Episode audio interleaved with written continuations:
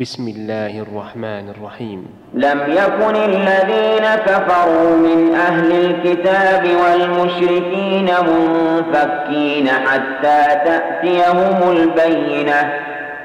رسول من الله يتلو صحفا مطهرة فيها كتب قيمة.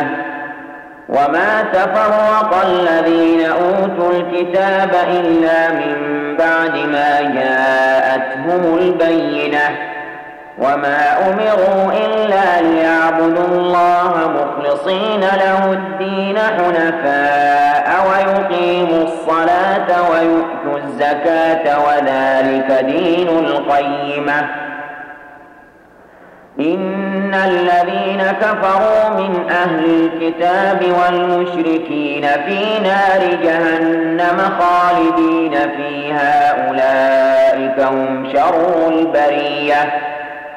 إن الذين آمنوا وعملوا الصالحات أولئك هم خير البرية. جزاؤهم عند ربهم جنات عدن تجري من تحتها الأنهار خالدين فيها أبدا.